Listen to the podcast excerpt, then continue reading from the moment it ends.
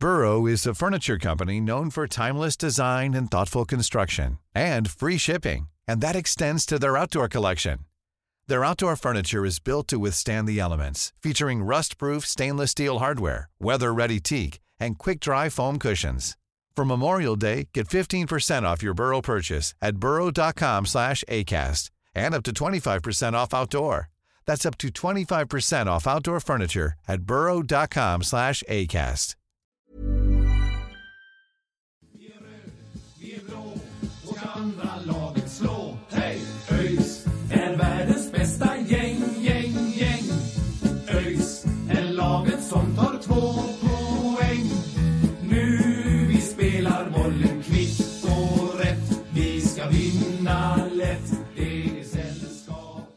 Då hälsar vi er hjärtligt välkomna tillbaka till Öjsnacks uppsnacksserie. Svåruttalat det där. Ehm, ni som var med oss igår hörde ju bland annat när vi snackade om Gais och Helsingborg och våra förväntningar på dem och sådär. Eh, gick ju igenom fem lag och har ju fortfarande inte satt något riktigt topptips här av dem vi har gått igenom. Får se om det kommer idag.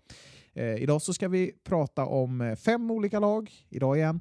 Det blir Brage, det blir Jönköping, det blir Landskrona, det blir Skövde och det blir eh, Trelleborg. Skövde. Skövde. Har ni varit i Skövde någon gång grabbar? Eller? Nej, men det blev väl en eh, liten tripp i, i fjol. Eh, det var där på sommaren. Eh, ÖIS hade precis vunnit mot eh, Örebro. Eh, ja, det var ju en eh, mindre rolig historia då ÖIS eh, fick stryk med 3-1. Vart var det du var någonstans sa du? Skövde. Skövde. Skövde på Södermalms IP alltså. Ja, det är, det är ju intressant att man kan vara både i, i Skövde, Skövde och, och på Södermalm samtidigt. Två, två mycket märkliga platser på denna jord som, som ändå förenas. Ja, det är inte det vi ska sitta och prata om här nu, men det blir väldigt intressant att se vad, vi, vad, vi, eller vad ni kanske Få för framförallt... tifon från Skövde i år. Ja, det också. Ja, Ja, det är, är det någon som har gjort lite research på det där? Sen, Ja, vi sa ju det det. Vad fan var det vi skulle Ja, det göra? var ju angående deras tifo. Vi får ta upp Vi det, kommer vi får ta upp det. det, när Det- vi kommer till Skövde helt sagt enkelt. Vi har några lag framför, vi har några lag innan så det, Ja. det, vi, vi tar det, när Det, det vi kommer. kommer till det. Eh, och innan vi drar igång med vår presentation idag så tänkte jag att vi ska faktiskt prata om något som vi tycker är väldigt viktigt att uppmärksamma, nämligen eh, fotbollströjefredagen. Eh, Marcus, vill du beskriva lite vad det innebär? Ja men det kan jag göra. Det är ett eh, initiativ av eh, Barncancerfonden då, eh, en form av manifestation i kampen mot eh, barncancer då, ehm, där eh, alla eh, då eh, uppmanas att, eh, att eh, ha sitt eh, favoritlags eh, fotbollströja på sig på jobbet eller på skolan eh, eller sådär. Eh, och det är imorgon då den eh, 31 mars. Eh, och, och, och så ska man ta en, en selfie eh, och dela i, i sociala medier, eh, swisha en gåva till Barncancerfonden då och, och därigenom eh, stödja forskningen. Så det är ett, eh, ett fint initiativ och vi alla tre här kommer ju att ha våra ÖIS-tröjor på oss på, på skolan och, och på jobbet och sådär. Så eh, ja, det är ett, eh, ett fint initiativ av, av Barncancerfonden. Så det uppmanar vi er, er alla som lyssnar också att eh, ta på er en, eh, en ÖIS-tröja företrädesvis. Eh, och, och, och håller ni på något annat lag så får ni väl ta någon annan tröja då. Men, men eh, förhoppningsvis så, så håller ni på ÖIS då och, och, och tar på er en ÖIS-tröja. Så, så, eh, så gör det och eh, skänk en slant till, eh, till eh, Barncancerfonden helt enkelt. Så eh, mm, det är ett, ett fint initiativ som vi självklart stöttar. Ja, nej, men ett eh, fint initiativ och en bra anledning att dra på sig en fotbollströja på fredag. ÖIS är världens bästa gäng, gäng, gäng. Vi gör väl så att vi eh, tar och hoppar in i det här avsnittet ganska så omedelbart om, om ingen mot förmodan har något att tillägga. Eh, Det verkar inte så. Vi ska inleda i eh, Dalarna och eh, deras enda lag i elitfotbollen just nu faktiskt. Eh, Gamla klassiska Brage. Brage har ju varit i Superettan ganska många år nu egentligen. De har ju varit där oavbrutet sedan 2018. Det är, det är nästan bara vi som kan mäta oss med det, känns det som. finns väl någon till säkert. Eh, I vilket fall Öster, så... va? Eller? Ja, de har ju varit med jätte, jättelänge. Eh, Det är nog de som har varit här längst, när jag tänker spontant i alla fall. Eh, Västerås har väl rätt många säsonger bakom Ja, men de var ändå. väl i ettan eh, ändå 2018. Ja, det var något år kanske, ja. där. eh, Ja. Ja, ja. Anyway. Eh, Brage grundat 1925, tränas av eh, Kleber Sarenpää. Det är väl den tränaren som har varit i Superettan längst i samma lag i alla Ja, fall. det är det definitivt. Han har varit här sedan, sedan det vara. 2017. Eh, var de i, i Superettan 2017 eller var han med och tog dem upp i Superettan? Jag tror nästan Han ja. eh, tog dem upp Ja, från eh, ettan Och sen har han ju liksom hans- fått bygga under, under många år så eh, ja, han, är, han är definitivt den som har varit med längst. Ja, men en riktig superettan-veteran får man ju säga i Kleber Sarenpää. Eh, och Kleber eh, fick ju sig en pratstund med, med dig Love, där han svarade på dina frågor. Så jag tänker vi klipper över till det nu. ÖIS då står vi här på Superettans upptaktsträff med Kleber Sarenpää. Tjena. Tjena, tjena. Ehm, så ja, in i en ny Superettan-säsong. Ehm, började bra förra året. Avslutade lite, lite tyngre, lite sämre kanske. Ehm, tyngre. Ja, mycket, mycket tyngre. Ehm, vad, vad tar ni med er inför Superettan 2023? Ehm, erfarenhet framför allt. Ehm, många nu som har gjort Superettan och får den rutinen att det är inte ehm, så stort steg som de kanske trodde från början och mm, så enkelt eller så svårt. Utan hitta en, en erfarenhet i det och, och få en hållbarhet som håller över 30 matcher. Yes, och, och vad skulle ni säga, eller vad skulle du säga blir er största utmaning inför året? Och största utmaning? Jag ser faktiskt inte några så. Det är väl... jag vet inte, vädret kanske. Yes. ja, det, det, det båda gott. Det vore gott. Vi är Ja. ödmjuka. Ja, absolut. Vad, vad, vad skulle du säga är liksom era allra största framgångsfaktorer? Vad som kommer vara nycklarna för, för att göra ett bra 2023? Eh, kollektivet, vi har en väldigt eh, homogen grupp eh, åldersstrukturmässigt som eh, trivs väldigt bra ihop. De gillar att träna. Ehm, vi har en, bredd eh, och en kvalitet som, som hänger ihop ehm, över 30 omgångar. Så nej, det, det, vi kommer att tåla avstängningar och formdippar och, och, och skador på ett bättre sätt. Yes. Skulle du säga att det finns någon, någon spelare som sticker ut där som kanske kommer bidra extra mycket eller som du, som du flaggar lite för att det här är en bra spelare? Ska vi ta någon så hoppas vi då på en, en division 2-spelare som, som vi har värvat i, i Jeltsin. Får se vad han kan bidra med och, och hoppa förbi en serie. Och, så det är, det är en spännande spelare som eh, det ska bli spännande. Kul att följa. Yes. Vem, eh, har, du, har du någon tippning vem som blir eran um, skyttekung inför 2023? Oj, nej, jag tror inte vi har någon skyttekung utan jag tror vi har många som kommer att ligga mellan fem och åtta mål. Eh, ingen som kanske sticker ut. Eh, så i så fall kanske Jeltsin om man får spela tillräckligt mycket. Så får se. Och, och slutligen då, vad, vad, har du en egen gissning eller vill du, vill du förutspå var, vart ni kommer hamna, Brage 2023, i tabellen? Nej, vi har en förväntan och en förhoppning om att vi ska vara um, topp fem. Det tror vi kommer göra vårt, under mina år um, det näst, minst det näst bästa resultatet och det innebär topp fem. Och så hoppas vi att det, det räcker att vi är med i topp tre i, i slutändan, för det är det det handlar om. ÖIS är världens bästa gäng, gäng, gäng.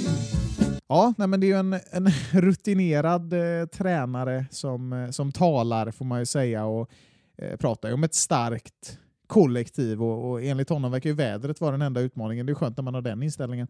Ehm, om vi bara ska återkoppla lite till Brages fjolår, vilket ändå framhäver lite Klebers eh, fina egenskaper som tränare faktiskt får vi säga. Det var att Brage var ju verkligen inte tippat högt upp i fjol.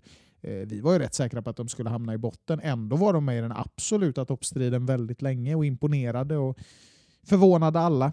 Ehm, och Det har ju kommit lite nyförvärv och sådär. Jag tänker kanske främst på Emil Tott Wikström och eh, en spelare som jag tycker är otroligt intressant, Jeltsin Kamoesh från eh, Skellefteå. Gjorde så pass eh, mycket som 26 mål på 26 matcher där och god vän med Rafael Leao i Milan. Bara en sån sak. Brages försäsong har varit ganska bra egentligen. Faktum är att man faktiskt har vunnit de fem senaste matcherna och där har man slått Sundsvall, eh, Brommapojkarna bland annat, Degerfors. Så att man har ju vunnit mot allsvenskt motstånd och sett egentligen väldigt övertygande ut under, under försäsongen. Och det är samtidigt ett lag som det kanske inte har pratat sådär jättemycket om. Ehm, grabbar, vad, vad är era intryck av, av Brage inför den här säsongen? Nej men eh, det är väl som Kleber är inne på där att eh, det här är ett, eh, ja, men ett starkt kollektiv, eh, en sammansvetsad grupp som, eh, som har fått arbeta med varandra under lång tid och, och, och som känner varandra väl och, och det är väl någonstans ett framgångsrecept i alla serier men inte minst i Superettan. Ehm, och ja men då, som ni säger där, att eh, Kleber är den tränaren som har, som har fått stanna längst i sitt lag. Det är ju inget som hör till vanligheterna i, i Superettan. Ehm, så eh, ja, jag tänker väl att det här är just kontinuitet, eh, en sammansvetsad trupp där alla känner varandra är, är framgångsfaktorn helt enkelt för eh, Brage som, som jag tror kommer att lyfta dem till eh, ett riktigt bra eh, 2023. Ja, Marcus då, vad, vad är ditt intryck av Brage? Ja, nej men de har ju, det är klart de har tappat några spelare förra årets eh, interna skyttekung då i, i Niklas Söderberg som gjorde tio mål, visserligen fyra mål eh, i en och samma match tror jag om jag inte minns fel. Eh, och sen eh, Anton Lundin som vi har varit inne på tidigare som är en erfaren spelare och så eh, Jocke Persson då som har gått tillbaka till Sirius efter två år på lån. Eh, så eh, det är ju några eh, tunga tapp. Eh, de har väl inte fått in några spelare som jag känner är sådana där jätteersättare till det. Det är klart Pontus eh, Jonsson som kommer från Gävle där som vi sa innan eh, är ett jättespännande eh, nyförvärv. Eh, Emil Tott Wikström och Gustav Berggren det är meriterade eh, nyförvärv som, som vet hur det är på den här nivån. Men i övrigt så har man ju fått behålla stora delar av eh, sin trupp eh, och jag tänker inte minst på Jonathan Tamimi som jag har satt som, som nyckelspelare. Eh, en, en, eh, en viktig pjäs i, i, i backlinjen och, och kan även hota lite grann framåt. Då. Så, eh, eh, jag tror eh, Brage, eh, som Kleber också var inne på i, i intervjun här, eh, det är ett starkt kollektiv och de har eh, en, en jämn trupp. Ingen som sticker ut sådär jättemycket, men, men en jämn trupp med många bra spelare. Så ehm, jag tror på ett starkt år för Brage. Ja, men jag, jag håller väl med dig och, och kan väl redan nu på förhand avslöja att när jag pratade med, med Jeffrey Aubyn så, så målade han upp Brage som en eh, stark kandidat att gå långt i serien och det fick ju mig att, fundera lite också på, ja, men på att det här är ett rätt starkt lag egentligen. Jag menar, kolla på deras försäsong. Det har sett skitbra ut. Eh, när vi pratar om nyckelspelare så är det väl Tamimi och, och Seth Hellberg som jag känner väl ja, det är väl de som ska göra det. Liksom. Två eh, landslagsmeriterade spelare för övrigt. Eh, Tamimi har ju spelat för Jordanien och Seth Hellberg har ju spelat för Liberia. Så att, eh, kul, med lite, kul med lite landslagsspelare. Ehm, annars känns det ju så alltså, det är ju liksom känns ju som en ganska jämnstark trupp också. En ganska bred trupp någonstans. Eh, ett lag som det ju inte har pratats om, absolut inte som ett topplag. Liksom. Men, men de gjorde det i fjol, det finns en stomme kvar och det är mycket möjligt att de överraskar oss igen. Um, har ni någon spelare ni tror kommer slå igenom i år? Det är väl inget jag kan utlova sådär men, eh, men eh, ja, jag tror väl eh, kanske att det är då Jeltsin Camoes eller hur man nu ska uttala där portugisiska namnet. Det, det brukar ju vara lite klurigt sådär. Men, eh, men jag tror att han kommer ta stora kliv. Den, den gamla lekkamraten då till Rafael i, i Sporting. Ehm, spännande meriter sådär eh, på förhand men, eh, men även en spelare som, som Kleber tror mycket på. Ehm, så ja, det tror jag kan bli en spelare som helt enkelt chockar superettan och, och gör stordåd. Jeltsin Kamoes, kanske den enda i serien som har en gemensam vän med Zlatan. Nej, det finns nog någon till. Det brukar det göra. Marcus, är du inne på samma spår när det kommer till den här Jeltsin eller vad? Vad säger ja, du? Ja, alltså som, som vi hörde här tidigare i intervjun så var ju Kleber inte inne på att det, de har någon som sticker ut sådär som, som kommer att göra de allra flesta målen utan han tror det kommer fördelas på lite olika. och jag är väl inne på att om det ska lyfta rejält för Brage så behöver de att någon kommer upp på 10 plus eh, och Jeltsin är väl en av dem som kan göra det. Nu har han inte bevisat, han kommer ju från division 2 där han gjorde 26 mål så det är ju ett, ett rejält hack upp i näringskedjan här. Ehm, så det återstår ju att se om han lyckas på, på, på denna nivån, men, men definitivt eh, Jeltsin eh, som en av två stycken eh, jag skulle vilja säga som, som kan slå igenom. Den andra är ju, eh, den andra är ju hans eh, forwardkollega eh, Kevin Appian som, eh, som också öste in mål i fjol i, eh, i vad som också är ett division 2-lag då i Gottne. Jag, jag känner att jag tar efter dig lite väl mycket i den här upplagan av, av, av uppsnacket. Jag, jag är nämligen inne på precis samma spelare. Alltså, vi har ju lärt oss förr att klivet från division 2 till superettan är inte alltid jättestort. Det finns inget som säger att de här spelarna måste lyckas, men det kan bli succé. Lex Gustav Ludvigsson Ja, men och precis, eh, Bernhardsson. Bernhardsson. Ja. Ja. Exakt. Eh, vi har ju sett det förr, så att, alltså, det är klart att det är intressant med två spelare som, som båda två har kommit in och gjort över 20 mål förra året. Det visar ju ändå på, på en förmåga att klara det rätt bra. Sen ska det gå i superettan också, men, men vi har sett folk göra den typen av resor tidigare. Ehm, jätteintressanta spelare också. Det, jag tycker det är mycket som, som kittlar lite med det här. Ehm, en, en eh, portugis och en holländare liksom, som, som har levt rövare i division 2. Det, jag tycker det känns eh, fruktansvärt intressant måste jag säga. Ehm, om vi liksom ska titta på Brage och vart de hamnar i, i tabellen. Vi, känns nästan som att vi så här hetsar igång varandra lite här om att fan, det här är inte så jävla dumt alltså. Men vi har ju faktiskt tre tippningar som vi utgår från. Så, så var har ni satt eh, Brage grabbar? Love, vad tror du? Ja, alltså det här är väl en, en lite sån där jag har gått på känsla. Eh, Jag har lagt Brage på en eh, fjärde plats eh, då strax under eh, Helsingborg. Jag tror det kommer gå riktigt, riktigt bra för Brage i år. Alltså, eh, att, att få ha kontinuitet och, och, och, att ha lyckats bygga ett starkt kollektiv eh, tror jag kommer visa sig eh, men nödvändigt eh, för Brage och, och något som andra lag bör ta efter. Eh, sen så kan jag inte riktigt motivera varför de inte skulle kunna ta alltså, steget längre. Det är väl möjligtvis då spetskvaliteter och, och ÖIS är bättre.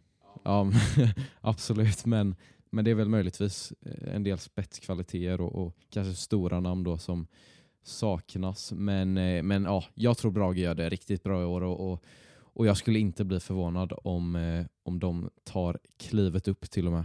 Ja, det är stora ord alltså. Ja, men spännande.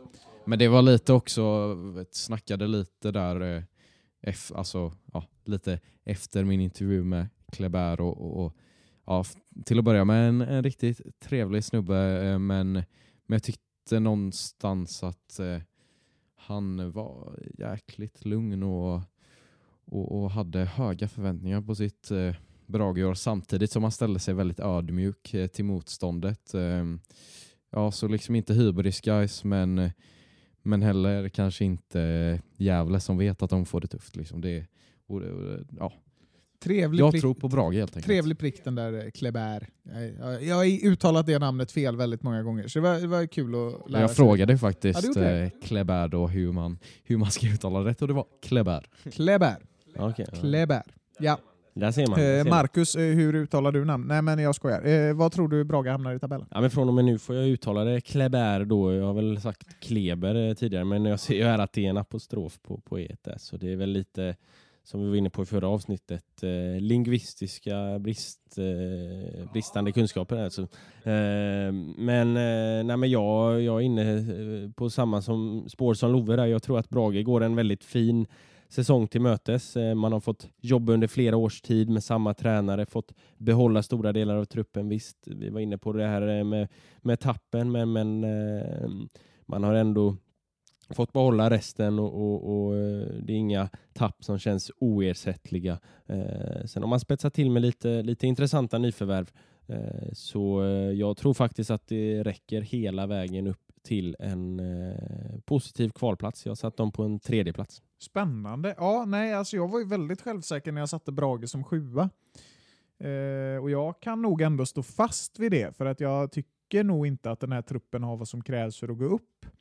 Men eh, när jag hör er prata så, så är det ju lätt att man dras med. Eh, men jag tänker nog stå fast vid att jag tror inte Brage kommer att, kommer att få ett jättelyft. Jag tror att truppen man har helt enkelt inte är tillräckligt stark för att, för att komma upp i allsvenskan. Och det kan absolut bli så att eh, de här nya forwardsen från division 2 får ett jättelyft och, och det gör att man hamnar i en väldigt bra cirkel.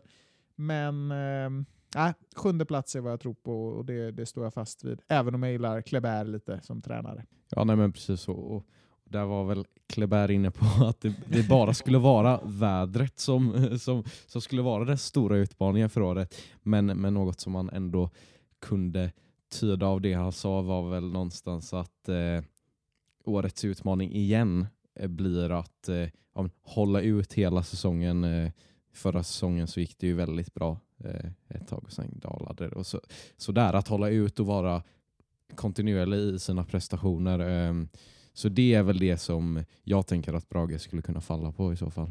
Det pratades ju lite, det är väl ingenting som har bekräftats, det är det ju aldrig, men att det var lite dålig stämning i truppen också in mot hösten och, och det var ju något som lyftes. Ehm, det vet vi ju inte vad det berodde på eller vem det berodde på, men, men om det är något som lever kvar då tror jag inte Brage kommer särskilt högt. För att eh, dålig stämning i truppen, det är något som kan sänka en fotbollsklubb fullständigt. Så eh, vi får väl hoppas att det är de eh, glada gubbarna som är kvar. Anton Lundin har ju lämnat så Nej, nu ska vi inte vara taskiga mot Lundin. Han kanske, han kanske är jättesnäll egentligen. Det var bara någon match där det liksom där det liksom ballade ur lite för både vår del och hans del någonstans. Så att eh, vi, får väl, vi får väl förlåta honom så här två års... Nej, nej. ÖIS är världens bästa gäng, gäng, gäng. Ja, men då är det dags att gå över då till eh, Jönköping Södra som ju eh, hade ett ganska tungt fjolår får vi ju säga. Man var ju indragna i bottenstriden ända till brandlarmet gick i omgång 30. Mystiska omständigheter som, eh, som eh, vissa av er kanske minns. Man eh, behövde ju spela oavgjort för att ja, gå om oss i serien då och slippa kvala och det stod väl 1-1 eller något sånt där väldigt länge. Och, eller var det 0-0 kanske? Ja, det blev väl 1-1 eller 2-2 till slut. Ja, Ja, det, det blev blev oavgjort hur som Ja, helst. sånt. Brandlarmet ringde i slutminuterna i alla fall och det var, det var en väldans dramatik. Ehm, men om vi ska gå igenom Jönköping så, så kan vi säga så mycket som att de är grundade 1922. De spelade allsvensk fotboll senast 2017. Eh, tränas av Andres Garcia, eh, spansk tränare.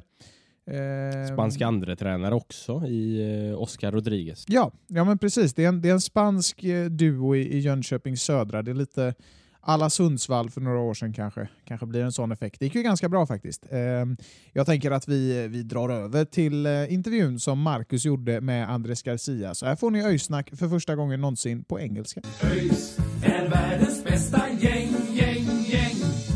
right, uh, Andres Garcia, head coach of uh, Jönköping Södra. Um, you're going into this uh, this new season. What are your feelings? My feelings are so good. I think that the performance in the preseason uh, was good. We play against very tough teams in the cup and in the friendly matches. Uh, was a very good test for for us, and I think that we are ready to start the season. All right, and if you're pointing on the, the, the few things that will be the most important for you in order to succeed this year, what what are the most important things?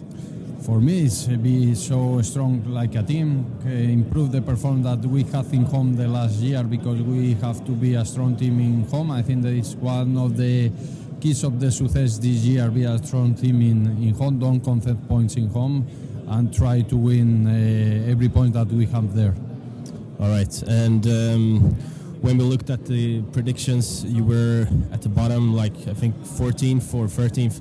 Um, what's your goals? Uh, what can we expect of you this year in order, in terms of the position in the league? Yeah, I think that the prediction before to start the league uh, aren't right because uh, you never know what uh, can happen because uh, uh, football is not uh, about prediction, it's about work and it's about that uh, um, no, no team uh, won the league before to start and no team relegated before to start. And it's about work and work, and we will see what happens in November when the season ends. All right, and lastly, uh, who will be the top scorer in your team? You think is it Pashang here? Yeah, could be Fachan. We broke uh, Fachan to score goals. We have other good players, like for example Tyler Silverhood, that is a striker from Malby, and we have other players that can score. But uh, Fachan can be one of the top scorers of the league for sure.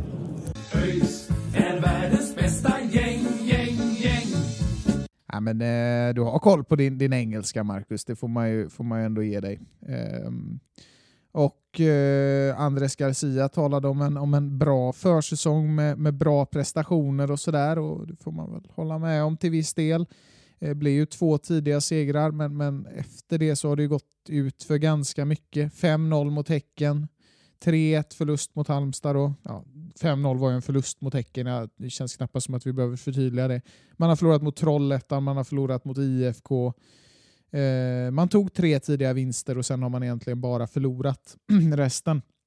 Eh, ja, men han vill ju vinna mycket poäng på, på hemmaplan, så han vill bygga en, en liten borg på, på Stadsparksvallen. Vi får väl se om han eh, lyckas med det och tror att eh, Pashang Abdullah och Taylor Silverholt är de som ska, ska göra det i år. Och, och tittar vi på spelarrotationen i, i Jönköping så har ju den varit ganska stor inför den här säsongen. Det, det är ganska många som har lämnat och, och ganska många som har, som har anlänt. Eh, en som har slutat är ju Fredrik Fendrich, eh, riktig trotjänare får man ju säga i, i Jönköping. Och, apropå antagonister som vi har varit inne på lite i, tidigare avsnitt så, så kan väl eh, vår gamla vän Edin Hamidovic var, var värd att nämna, lämnat också. Eh, finns ju fler namn, jag tänker att vi, vi kommer in på dem. Um, om ni skulle ge en liten lägesrapport inifrån Jönköping, Marcus, vad, vad, hur ser det ut i år tycker du? Nej, men eh, jag tycker väl att det luktar eh, ett eh, rejält fiasko här för Jönköping.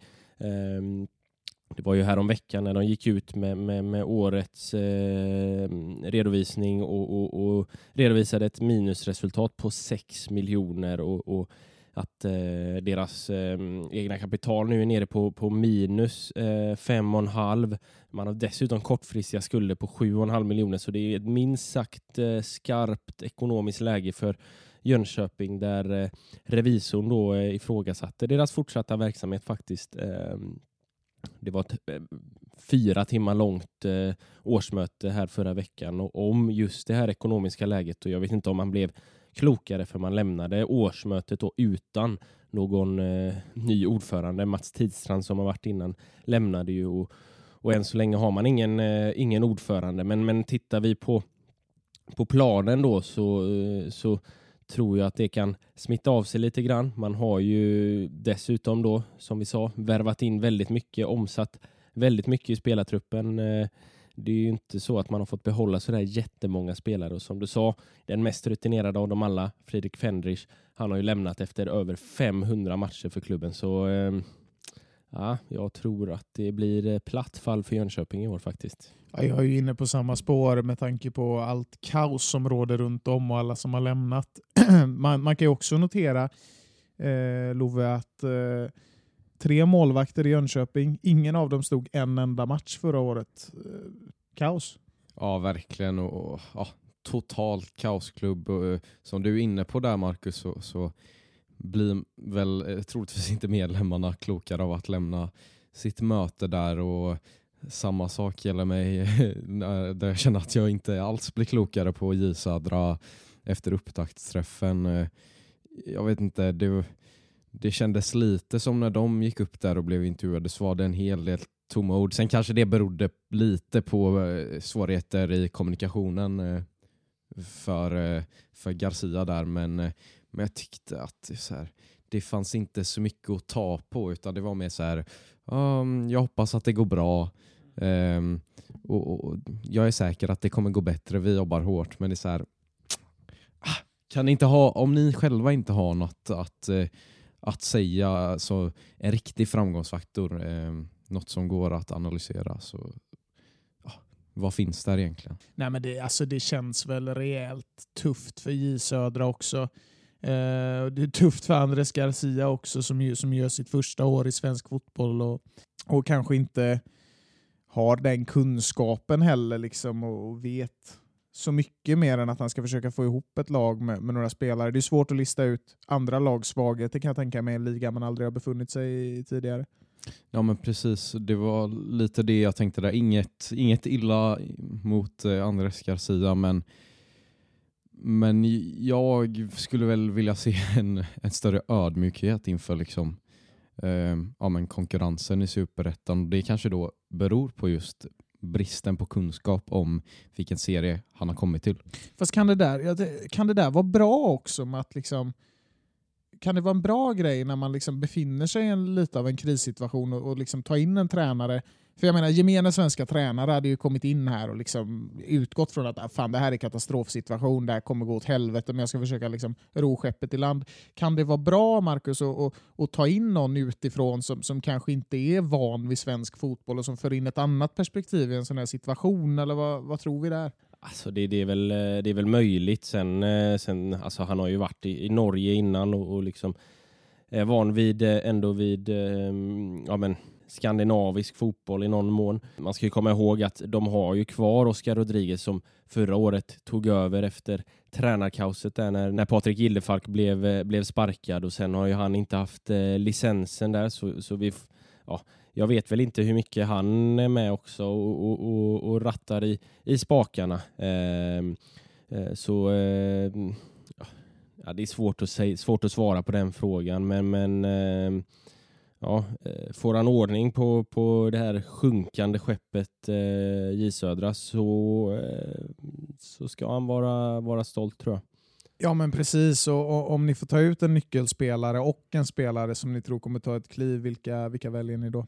Ja, nej, men det finns ju ändå några spelare med kvalitet i, i eh, Jönköping. Vi har ju en sån som eh, Malcolm Moensa som eh, vi tidigare har sett i Gais och vi har eh, Samuel Adrian som var viktig för dem under fjolårshösten och de har plockat in lite granna i, i Jesper Mans och Pashang Abdullah från, från Dalkurd som gjorde åtta mål i fjol. Nu ska vi komma ihåg att han gjorde ju eh, eh, gjorde ju fyra mål i en och samma match, så, så fyra mål på ja, 24 matcher, det är väl inte sådär överdrivet imponerande.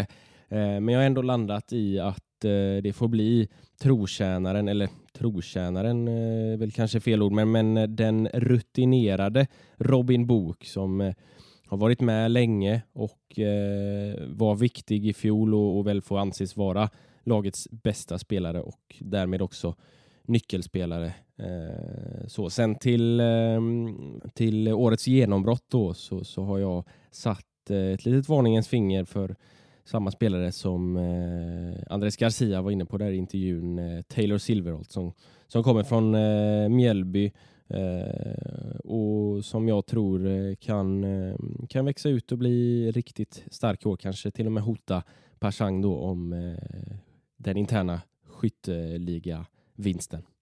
Ja, nej, men eh, vad det gäller nyckelspelare så är jag väl inne på, på samma linje där och det kommer bli Robin Book som, som det här kaotiska och, och ja, något oklara laget kommer behöva hålla hårt i för att eh, ja, helt enkelt överleva överhuvudtaget i 2023. Um, solklart viktigast blir Robin Book. Ja, en otroligt viktig spelare. Jag skulle vilja slå, jag skulle vilja slå ett litet slag ändå för Malcolm Moensa också. Sandarnas stolthet som ju var ganska stabil förra året ändå. Eh, sen tror jag att Robin Book kommer vara, kommer vara mer tongivande och ska jag vara helt ärlig så ser jag nog inte riktigt någon spelare som kan ta jättesteg i sin utveckling i alla fall just nu i truppen. Eh, så jag får väl helt enkelt hänga på er och säga Taylor Silverholt som ju ändå har spelat med Mjällby och ja, har rutin från allsvensk nivå. Det, det kan ju börja funka. Ja, jag, jag glömde ju ett, ett genombrott där och ja, men ja, jag hade väl också lite svårt sådär att hitta, att hitta en eh, spelare som kommer ta stora kliv. Men eh, jag landade till slut i eh, Adam Ben Lamin. Mm. Det är ju ändå en spelare som har fått rätt mycket förtroende för sin unga ålder. Ja, man har ju kunnat se väldigt positiva tendenser i hans spel men, men även att han har, ja, men är oerfaren och kanske inte riktigt tillräckligt mogen då för, för sin roll. Men, eh, men i år så ja, men kanske han ja, då ett år äldre um, har vuxit i sina kläder Um, och om han har gjort det och, och, och kan leverera um, så, så, så tror jag verkligen att han är den som tar störst kliv. Mm. Ja, men spännande spelare, absolut. Ja, alltså. Det är ju mycket kris som, som råder i Jönköping. Det, det, det är inte en jättestark trupp eh, och det, det är ett ekonomiskt kaos som råder. Eh, om vi tittar till tabellplaceringar, har ni satt dem över kvalstreck och nedflyttningsstreck eller är de nere i gegga? Nej, eh, jag har satt dem där precis på en trettonde plats så jag tycker väl ändå att jag är hyfsat snäll mot dem. Jag ger dem ändå en chans men, eh, men onekligen kommer det bli ett eh, tufft år för J Södra. Mm. Och Mackan, vad, vad tror du? Nej, men jag tror att eh, efter att ha gjort bra säsonger 2019 och 2020 så har det ju bara gått ut för eh, 2021 och 2022. Jag tror att skeppet kommer att eh, fortsätta sjunka. Jag tror eh, den ekonomiska kaosen i klubben kommer smitta av sig. Så eh, jag har faktiskt satt dem som eh, tabelljumbo. Jag tror att de tar den 16 och sista platsen och får spendera nästa år eh, tillsammans med eh, eh med lokalkonkurrenten då eh, Assyriska i, i division 1. Ja, det är så pass att du tippar dem sist alltså. Är det på grund av det ekonomiska läget eller är det på grund av att du tycker att eh, truppen är för svag? Det är, klart, det är klart det kan vara en blandning också. Men... Mm, nej, men det, är en, det är nog en, eh, en kombination. Eh, det är klart att eh, det finns eh, viss kvalitet i truppen men, men jag tror framför allt så, så grundar det väl sig i att eh, de har haft mycket rotation på målvaktsspelet sen Frank Pettersson lämnade för några år sedan och inte riktigt hittat rätt där. Och sen är, är, ser offensiven inte så där skräckinjagande ut. Så ehm, ja, tunt bak och tunt fram i en kombination med, med, ett, med eh, lite stormigheter kring klubben i övrigt så, eh, så tror jag att det, det blir tufft för Jönköping. Ja, nej, men det låter ju som, som, en, eh, som en rimlig analys och jag håller väl med dig i det mesta också. Eh, vore ju lite speciellt om de åkte ur faktiskt. Eh, det är ju ett av de här lagen som har varit i svensk, ja men i det absoluta toppskiktet någonstans sen, sen i alla fall 2008 när jag började kolla. De har aldrig varit nere i ettan sen dess liksom, utan det har varit superettan eller allsvenskan. Så det, det vore ju lite speciellt om de åkte ner, men man kan ju genom Genom den slutsatsen konstatera att så här svagt har inte Jönköping sett ut som helhet på ja, det är väl, ja, men det är väl närmare 15 år i alla fall. Jag tror inte det har varit mycket värre än så här många gånger. Sen är det alltid en lite halvdålig analys kanske med tanke på att eh, fotbollskunskapen var väl inte enorm 2010 när man var åtta bast. Men ja, nog om det. Nog om det. Um...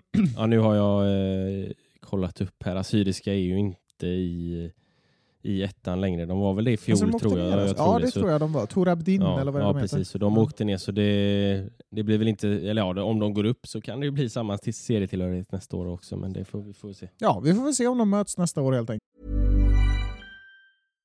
One size fits all seemed like a good idea for clothes Nice dress. Uh, it's a it's a t-shirt.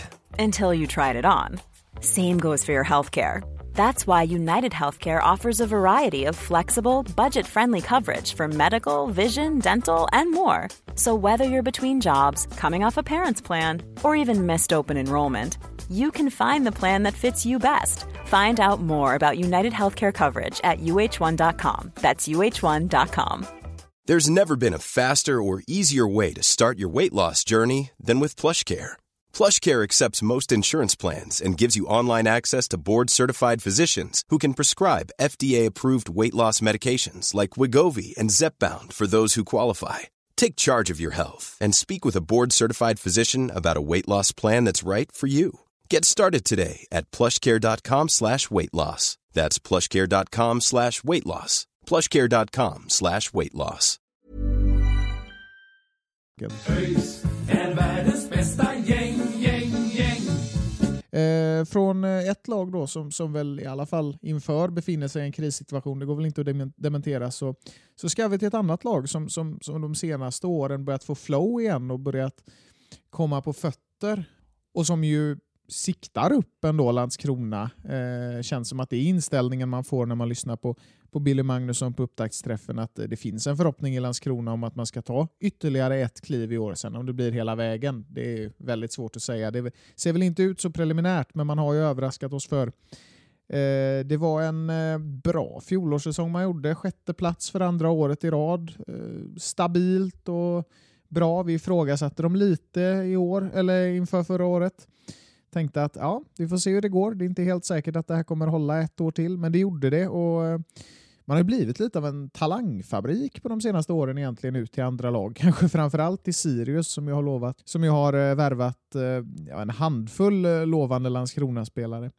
Ehm, bland annat har de ju tagit Melker Hayer då, som har varit ganska tongivande de senaste åren inför den här säsongen. Och, och tittar vi på spelare som har kommit in så är det väl kanske ingenting som imponerar sådär jättemycket. Men det finns ändå en stabil, stabil stomme kvar från förra året. Eh, tränas ju av eh, Billy Magnusson då, så är de grundade 1915 också, kan ju vara värt att, att notera. Och så kan vi ju klippa över då till en eh, intervju med, eh, med Billy Magnusson som, som eh, Marcus körde på på upptaktsträffen. ÖIS är världens bästa gäng, gäng, gäng. Ja, då står vi här med Billy Magnusson, tränare i Landskrona. Hur, hur går dina tankar så här efter försäsongen? Eh, nej, men tankarna är väl att det är skönt att det drar igång på riktigt. Tycker vi har haft en, eh, en bra försäsong eh, där vi har gjort bra prestationer och så fått några smällar som vi har lärt oss av. Så att eh, känslan är god. Ja, ni, ni kommer ju från två säsonger i rad där ni har varit sexa och, och eh, liksom ändå varit ett, ett starkt lag i Superettan. Eh, Vad är ambitionsnivån i år? Nej, men ambitionsnivå. Vi jobbar ju med en väldigt ung trupp och blir yngre för varje år. Och de spelarna som tar steg så att det är väl två detta året och fyra förra året som har gått till nästa nivå kan man säga. Men vår ambitionsnivå är att bli bättre både som lag och som utvecklade fotbollsspelare. Och, och eh, ska vi sätta resultatmål så har vi blivit sexa två år i rad. Då måste vi ha önskan att bli bättre. Så då är det ju bland de fem bästa då liksom. Ja, ja. Ehm, och, och ni har ju som du sa där utvecklat många unga spelare och har en ung trupp och sådär. Många spelare som har tagit klivet från er till, till allsvenskan. Är det en uttalad eh, strategi för att, och liksom, att utveckla unga spelare och lyfta dem framåt? Ja, men det är det. Alltså det är givetvis vi tävlar för att vinna varje match och vill ju helst av allt gå till allsvenskan också. Men när vi klev in i det här projektet, jag och Max Möller som, som påbörjades egentligen december 2018 så, så mådde klubben väldigt dåligt. Eh, pengarna var slut och det var allmänt kaos. Eh, inga spelare fanns att tillgå. Så att vi tog ett beslut ihop med eh, styrelsen liksom att eh, sättet för att bli hållbara det är att vi och utveckla fotbollsspelare här och, och då får det ta lite tid. Vi hade turen att det tog bara två år att gå upp till Superettan och sen har vi fortsatt med den strategin och, och, och nischat oss lite grann med det och då tror jag också att vi var ju när vi kom upp i Superettan bara skåningar. Eh, nu har vi blivit tillräckligt attraktiva utan att erbjuda så mycket pengar för eh, talanger i, i Stockholmstrakten och Göteborgstrakten och så att även kunna känna att Landskrona är ett bra alternativ att ta nästa steg. Så att, att, då tycker jag vi ska bygga vidare på det och det har varit framgångsrikt i fyra år så att jag hoppas jag det blir minst ett år till i alla fall. Mm. Och eh, om man tar eh, nycklarna för att lyckas, eh, om man tar en topp 5-placering i år, då, vad, vad blir det som blir viktigast för er del? Ja, men till syvende och sist så är det att jobba med våra prestationer, eh, göra bra saker. Det är inte bara i fotbolls, eh, i matchen utan i träningsmiljön som är väldigt viktig och, och att någonstans man inser att hårt jobb det är det du alltid kan påverka och eh, investera maximalt i allt du gör. Eh, sen är det klart så tänker man ung trupp, ja, vad betyder det med jämnheten? Ja, det kanske kan bli ett problem. Min förhoppning är att det inte blir det utan vi jobbar med bra prestationer mer eller mindre hela tiden. För det är ju nyckeln i en serie som Superettan. Det är att man faktiskt undviker för långa dalar, alltså djup, djupa, djupa dalar. Eh, för att det är ofta så att det lag som är jämnast, de blir högst upp. Så enkelt är det och det är ju det vi jobbar efter. Mm. Eh, och sen avslutningsvis, vem, eh, som vi har frågat alla här, vem i laget tror du gör flest mål under säsongen? I vårt lag så tror jag att det är vår forward Usmane Dirva. ÖIS är världens bästa gäng, gäng, gäng.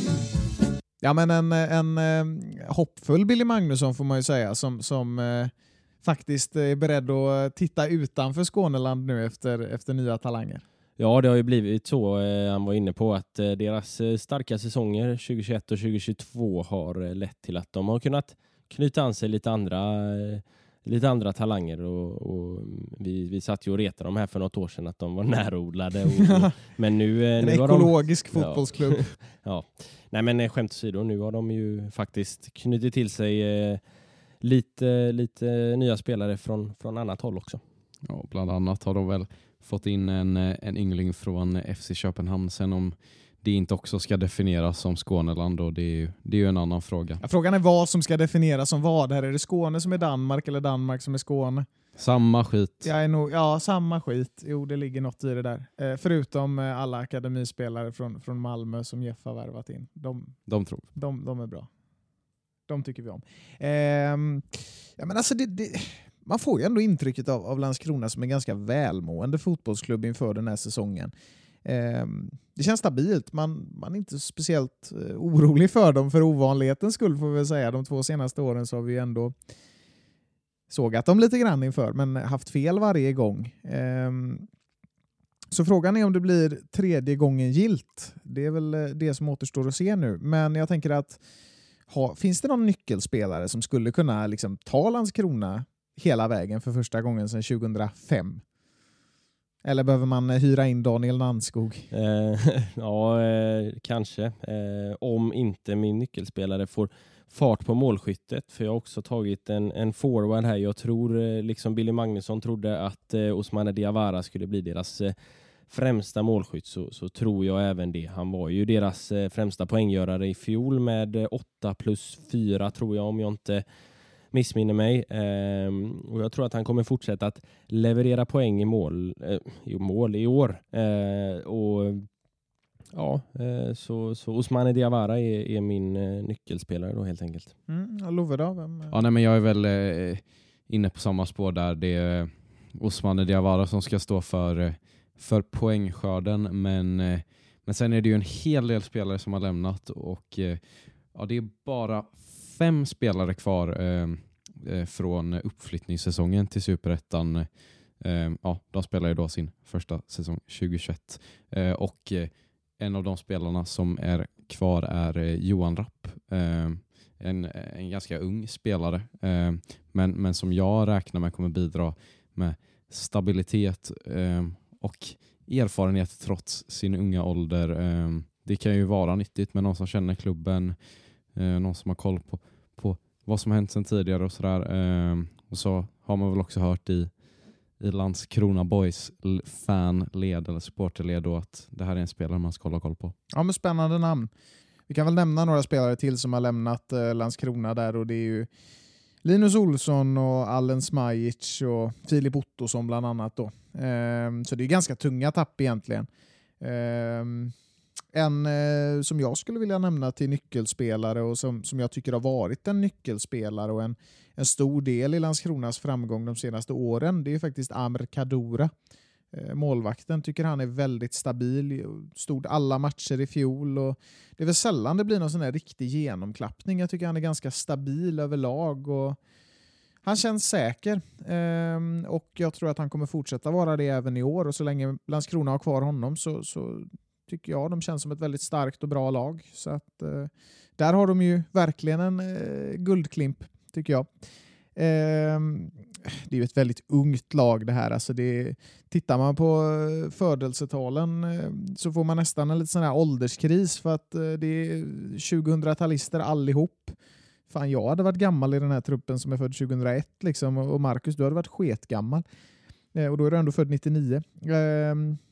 Så av alla de här ynglingarna som, som eh, ja, men någonstans ska föra vidare Landskrona, är det någon som ni ser, den här spelaren kan bli riktigt vass i år?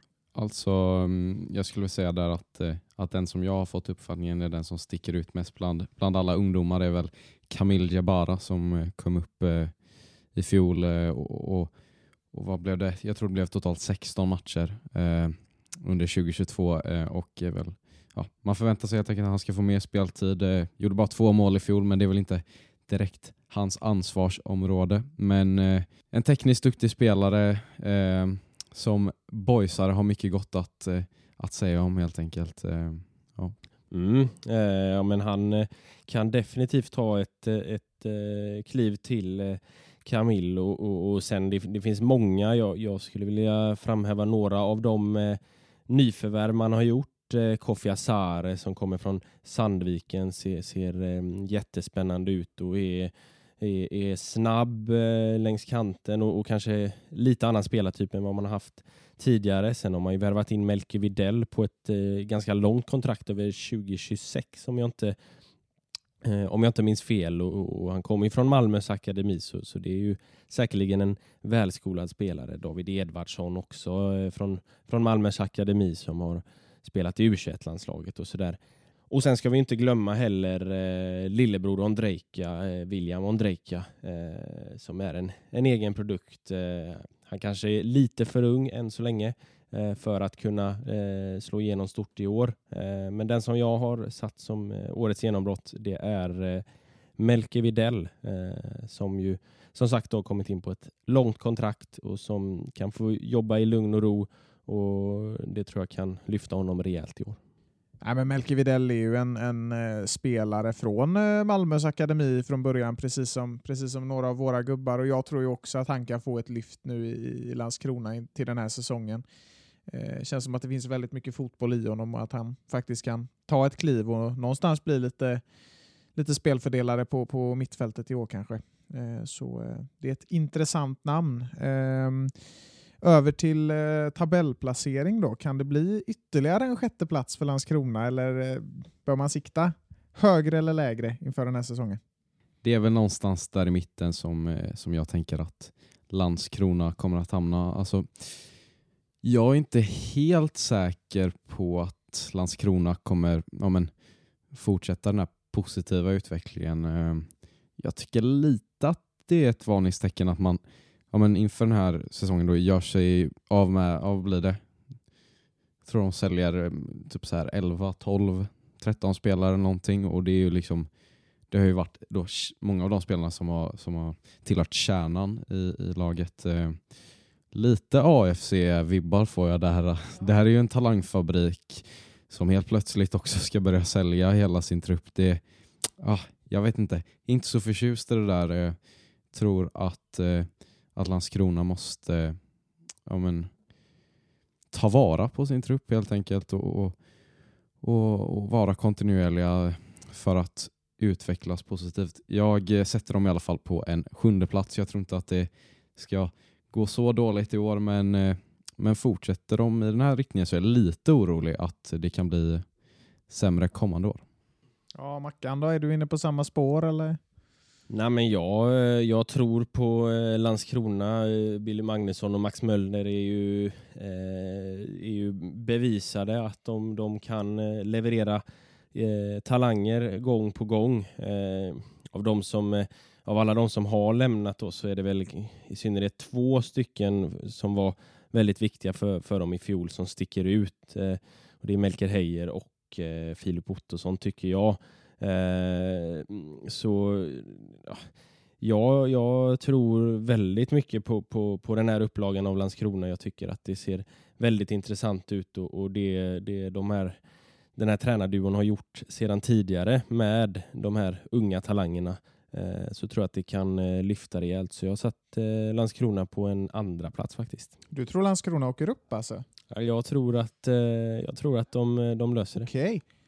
Är det lite så här Brommapojkarna i fjol? Alltså jag tänker ett sådär ungt lag som liksom eh, kommer igång och börjar göra det riktigt fint. Är det lite de vibbarna du får från Landskrona eller? Ja, nej men kanske. Det, det är ju samma med, med, med Brommapojkarna. Så, så varvar de ju många unga spelare med några lite mer rutinerade. Då. Det är ju samma här. Eh, eh Landskrona har ju bland annat då eh, Filip Andersson som, som har varit i Landskrona hela sin karriär och, och eh, som vi sa innan Johan Rapp som visserligen är lite ung men, men har eh, gedigen erfarenhet. Så eh, mm, ja, jag tror att eh, det kan bli lite liknande ja, som, eh, som eh, med eh, BP i fjol. Mm. Eh, ja, jättespännande måste jag säga. Det, det, det, hade jag absolut inte väntat mig att du skulle sätta dem så högt. Eh, jag säger så här att jag, jag håller med dig nästa år eventuellt. Jag tror att det här, alltså håller man i de här talangerna så, så kan det här absolut gynna Landskrona långsiktigt. I år tror jag däremot att det blir ett steg tillbaka. Jag tror, inte att det blir, jag tror att det blir ett tillfälligt steg tillbaka för att ta ett steg fram. Um, för att jag tror ändå att alltså det är så pass många tongivande spelare som har lämnat att det kommer ta ett tag att bygga upp det man hade. Eh, sen är Billy Magnusson en jättekompetent tränare och jag tror absolut att han kan, eh, kan vända allting till något positivt senare under säsongen. Jag har satt Landskrona på en nionde plats och jag tycker ändå det är rätt rimligt att det blir ett, Eh, lite sämre år i år, men får de hålla fast vid alla de här talangerna så säger jag bara se upp 2024 för då kan det... Ja, det hade varit passande om Landskrona åkte upp 2000, till 2025 också för deras egen del. 20 år efter senaste gången i Allsvenskan. Apropå Landskrona så, så eh, ser jag här och nu när jag kollar igenom eh, transferflödet här att eh, Kadura har förlängt över 2025 så eh, honom Ja, får vi se se där, i ja. framtiden också. Ja, det, så länge Amer är kvar så, så har man eh, goda chanser att hålla sig kvar i, i serien. Ja, nej men intressant. Eh, Landskrona som, som verkligen... Eh, det känns som att vi har väldigt delade meningar alla tre. Vi brukar eh, tendera att vara rätt eniga, men, men Marcus, du, eh, ja, du levererar lite chockartade tips här måste jag säga. Det, Ja, men jag känner väl att eh, superettan är superettan. Le- Om man Ja, liksom jo, bara jo, går, sant går man på oddsen så har man alla fel ja, garanterat. ja, ja, Så- ja, absolut. Man måste ta ut svängarna lite grann. Är världens bästa gäng, gäng, gäng. Men då är det dags att gå över till eh, Skövde, som vi kallar dem. Ehm, grundat 1919, skrev historia i fjol när man gjorde sin första säsong i Superettan. Eh, sensationellt bra säsong får vi ju säga med, med Tobias Linderoth som tränare. Femte plats, man var liksom med i toppen. Man, man, jag, skulle, jag skulle nästan vilja säga att man chockade fotbollssverige. Eh, även om eh, du och jag då hade våra aningar om att Skövde skulle kunna etablera sig ganska fint i Superettan, Marcus, så så var vi ju faktiskt väldigt förvånade när de levererade så pass bra som de gjorde. Ehm, eh, och det var, det var stora firanden på Södermalms IP flera gånger. Eh, nu kommer man in i en säsong där det har hänt ganska mycket åt det negativa hållet på, på transfermarknaden. Man har ju förlorat William Granat som var väldigt eh, tongivande förra året och så kanske framförallt då rent profilmässigt som har förlorat eh, Gustav Friberg, mannen med de helt otroligt långa inkasten. Och eh, där vill jag faktiskt eh, stanna till lite och säga att eh, jag noterade en väldigt intressant sak på upptaktsträffen. Eh, det fanns en statistik som visade, ut, visade upp avslut via inkast 2022 då, där man jämförde alla lag. Liksom. Eh, man kan säga att på andra plats var Norrby, de hade 22 avslut via inkast. Skövde hade 85. Så eh, Gustav Fribergs eh, långa kast har ju onekligen präglat Skövde, får man ju säga, förra året. Och, ja, var väl säkert en del i, i framgångsfaktorn. Eh, försäsongen för deras del, den har varit eh, ja, ganska svag skulle jag säga. Eh, senast kom de från en förlust mot Värnamo med 0-2. Innan det spelade man oavgjort mot Karlstad 1-1. Eh, en sak som imponerade lite var ju deras match mot eh, Malmö i Svenska Kuppen borta. Där man förlorar med 2-0. Det låter inte så bra, men då ska vi komma ihåg, precis som, som eh, Tobias Linderoth var inne lite på, att, att möta Malmö borta är ju liksom en av de största utmaningarna någonstans i, i Sveriges fotbollssystem. Och eh, ja, du tog ju ett snack med Tobias Linderoth, Love, på upptaktsträffen. Eh, så jag tänker att vi, vi klipper väl över och lyssnar på det. ÖIS är världens bästa gäng, gäng, gäng. Då står vi här. Eh, 2023, Superettans upptaktsträff. Eh, hur är känslan inför kommande säsong? Eh, ja, Tobias Linderoth ska vi säga att vi står här med då, Skövdes tränare. Ja, den känslan är bra. Vi, eh, vi har eh, haft en bra försäsong. Eh, spelarna mer eller mindre friska i truppen och, och även fått känna på kuppspelet så att det har varit en, varit en bra, bra försäsong för oss. Yes, och, och man får ju säga att ert fjolår var imponerande. Kanske inte slutade ja, men exakt som ni vill. Eh, hade ju kunnat gå ännu bättre, men, men vad tar ni med er från 2022? Nej, men det är ju en erfarenhet för oss att, att spela superettan. Det var ju, eh, de flesta spelarna har ju inte spelat superettan innan utan eh, det är mest division 1, eh, på division 1-nivå de har varit. Så att vi har ju med oss en erfarenhet av att spela superettan ett år. Vad som krävs i serien och vad som krävs utifrån varje match, utifrån alla arenor vi har varit på. Så att det hoppas jag att vi kan ta med oss in i denna säsongen, att vi lär oss lite utav erfarenheterna vi fick förra året och att vi har växt med den uppgiften lite grann. Och sen fördelen vi har haft är att vi har väldigt, eh, en, hade en väldigt ung trupp och har en väldigt ung trupp, vilket gör att vi förhoppningsvis kan utvecklas och bli ännu bättre hela tiden för varje spelare. Och det, det hoppas jag göra att eh, Skövde AIK blir ännu bättre. Yes. Ja, men är det, är det kanske er största utmaning då inför 2023? Eller vad skulle du säga är, är er största utmaning som ni behöver ta, ta tag i? Nej, vi har många utmaningar. Vi, eh, vi jobbar ju stenhårt på att etablera oss i Superettan, både som klubb och, men även som, som lag. Och det är ju en utmaning vi har. Vi har inte de största resurserna och vi, vi har inte eh, de mest erfarna spelarna, men vi har väldigt ambitiösa fotbollsspelare i, i truppen och vi är en väldigt ambitiös klubb och, och jobbar med de medel vi har. Eh, det skulle jag säga att det är vår, det är vår styrka, att vi, vi är en väldigt familjär klubb och att vi jobbar väldigt hårt för varandra. Ja, och, så, och, och media tippar är ju betydligt lägre än vad ni hamnade i fjol. Eh, vad, vad tror du kommer vara era, eller de nycklarna som krävs för att ni ska nå högre än så och, och kanske nå högre höjder än i fjol? Vad, vad säger du där? Ja, men det, är ju, det kommer bli samma sak som förra året. Vi, eh, jag tror vi överraskade många förra året med, med vårt sätt att ta oss an matcherna och det, det kommer vara samma sak detta året. Att vi, att vi är, vi är orädda, att vi har mycket energi när vi kliver ut där och att vi, vi tror på det vi gör. Eh, Det, det är det viktigaste, att vi inte blir för imponerade av eh, motståndarna eller, eller spelarna vi möter utan att vi, vi gör det vi ska göra och, och det, det är det absolut viktigaste för vår del. Så, och jag förstår att det är mycket tjat om de här långa inkasten och, och, och Friberg som, som har försvunnit men, men han var ju ändå en, en bärande och ganska stor framgångsfaktor i fjol. Vad, hur har ni anpassat er efter det inför denna säsongen och, och vad, vad, hur anpassar ni er efter det helt enkelt?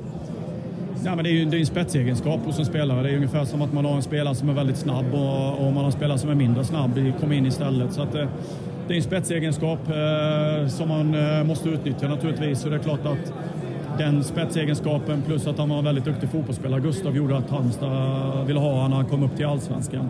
Och det får man ju lyfta på hatten och gratulera Gustav att han fick ta det klivet. Och, och, men det är klart att det, det är svårt att ersätta. Jag säger ju lite skämtsamt i säger att han kastar längst inkast i världen. Jag har inte sett någon som kastar längre. Så att det, det är svårt att ersätta det. Det, det är det, men, men vi får ju bygga på bygga på andra saker. Vi har, vi har fått in bra fötter som vi, på frisparkar och hörnor till exempel. Så vi, där har vi kanske höjt vår kvalitet lite grann. Eh, Det är klart att vi har fått in lite andra spelartyper som gör att man kanske spelar på ett lite annat sätt. Och det, det, det är det vi får utveckla och bli, bli ännu bättre på nu. Då. Och om Gustav var den som stack ut extra mycket i fjol, vem, är det någon som du skulle vilja lyfta ett finger för där som flaggar lite för? Vem, vem kan bli ett, ett genombrott 2023? Ja, men vi har ju, vi har ju många, många spelare som kan bli genombrott. Vi har många som har åldern inne för att kunna ta kliv och bli ännu bättre. Och få en fin fotbollskarriär. Så att det finns, eh, finns många spännande spelare i vår trupp. Eh, det såg man inte bara det såg man efter säsongen som var senast att när vi gjorde det bra så blev de väldigt attraktiva för andra klubbar, framförallt allsvenska klubbar. Vi hade fem som, som spelar mycket matcher som, eh, som gick tillbaka. Tre som gick tillbaka till sina allsvenska klubbar och två som blev sålda till allsvenska klubbar. Så att, eh, eh, det är väl ganska bra facit tror jag. Ja men exakt, vi hade en trio där som, som gick tillbaka till Elfsborg och Jack, Jack Cooperlove som var ja, men en gammal öisare. Och, och han stod ju för en hel del mål kan man ju säga. Och vem är det som ska täcka upp där? Vem, vem tror du kommer stå för målskyttet i år? Ja, men vi hade ju vi hade ju Johan Fellrat som vi tog in förra året egentligen. Och, och, eh, han blev ju mer eller mindre skadad. Eh, jag vet inte, det var sista matcherna på försäsongen förra året och, och missade hela våren. Eh, så kom han ändå in och gjorde nio mål tror jag totalt på hösten. Och han har ju stora förhoppningar på att han ska kunna vara med från början nu och leverera direkt. Och, så har vi även tagit in offensiva spelare som är väldigt intressanta. Emil Bellander, Darrell Camden till Bell eh, eh, och sen att vi har Kante som kan leverera. Mikael Mörk som är med till exempel är ju eh, en kille som alltid levererar poäng. Och Linus Mattsson som jag pratade om innan som har ju gjort det, gjort det väldigt bra. Och, ja, Hugo Engström, David Frisk, är de offensiva spelarna. Ja, det är de som ska leverera poängen och jag hoppas att de, det kan lossna rejält för dem i deras utveckling.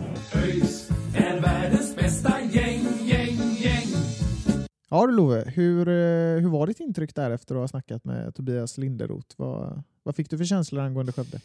Nej, men det var väl... Eh, han, var ju, han var ju ärlig och, och, och väldigt ödmjuk inför eh, en tuff säsong eh, som ska gå alla lag i Superettan till mötes 2023. Eh, men, ja, men trots alla spelartapp så, så tyckte jag ändå att man märkte av ett lugn och en självsäkerhet i att eh, oavsett spelartapp så är det här någonting som man ska kunna bygga vidare på. Ehm, ja, mycket trevlig, mycket trevlig man också. Eh, Tobias Linderoth alltså. Ja, men det är ju onekligen en, en eh, erfaren eh, man och jag tror väl kanske att erfarenheten i år, många av de spelarna som var med i fjol har ju ett år i ryggen nu då i, i superettan. Ehm, så de, de har ju lite mer erfarenhet än vad de hade i fjol. Sen, eh, sen tror jag att eh, de kommer få lida mycket av, eh, av sina spelartapp i Gustav Friberg, William Granato och framförallt kanske då öis Jack Cooper Love som, eh, som öste in mål under, ja, framförallt under våren i fjol. Eh, sen var han ju lite in och ut ur, ur truppen i, under hösten när han spelade en del för Elfsborg också. Eh, så det vill nog till då att eh, Johan Fellrath kommer igång med målskyttet rejält. Nu gjorde han ju faktiskt nio mål under, under hösten i fjol. Han var ju skadad under våren så, så eh, han har ju bevisat att han kan göra mål på den här nivån men han, han behöver nog dubbla den siffran nästan för att, för att Skövde ska, ska kunna bli riktigt, riktigt slagkraftiga i år. Ja men precis. och ja, Det är väl någonstans så att hoppet står till Johan Fellrath. Eh, det är i alla fall den spelaren som, som jag har valt som, som nyckelspelare för Skövde. Det känns som att deras säsong hänger ganska mycket på honom.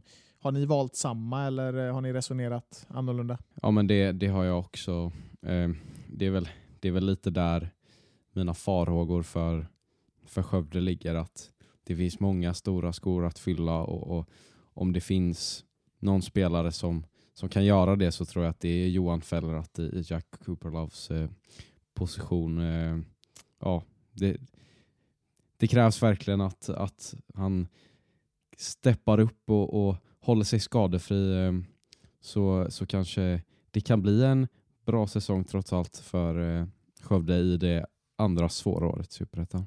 Ja, men man ska ändå komma ihåg att det finns mer eh, kvalitet i det här laget. Vi har Elmar Abraham, eh, bror till eh, Sargon och vi har eh, Mikael Mörk som, som är, är erfaren och sådär. Eh, och Marcus Fröjd, målvakten som, som ju är eh, i sina bästa stunder en, en, en en duglig eh, superettamålvakt. Sen har vi Hampus Söderström, nyförvärvet, som eh, slår sinnessjuka frisparkar så man kanske flyttar eh, ja, sin, sina spetskvaliteter från, från inkasterna till, till frisparkar då eh, i, i Hampus Söderström. Men eh, jag har ju också landat givetvis i att det är Johan Fellrath som ska leda det här laget framåt om de ska, eh, ska kunna göra en, en bra säsong i år värvningen av, av eh, Hampus Söderström får man väl säga är väldigt intressant just med tanke på att han ändå någonstans eh, matchar Fribergs kvaliteter lite från, alltså Friberg hade inkasten då där man kunde bygga liksom ett, ett litet system runt det eh, som ju blev väldigt viktigt för Skövde och att man då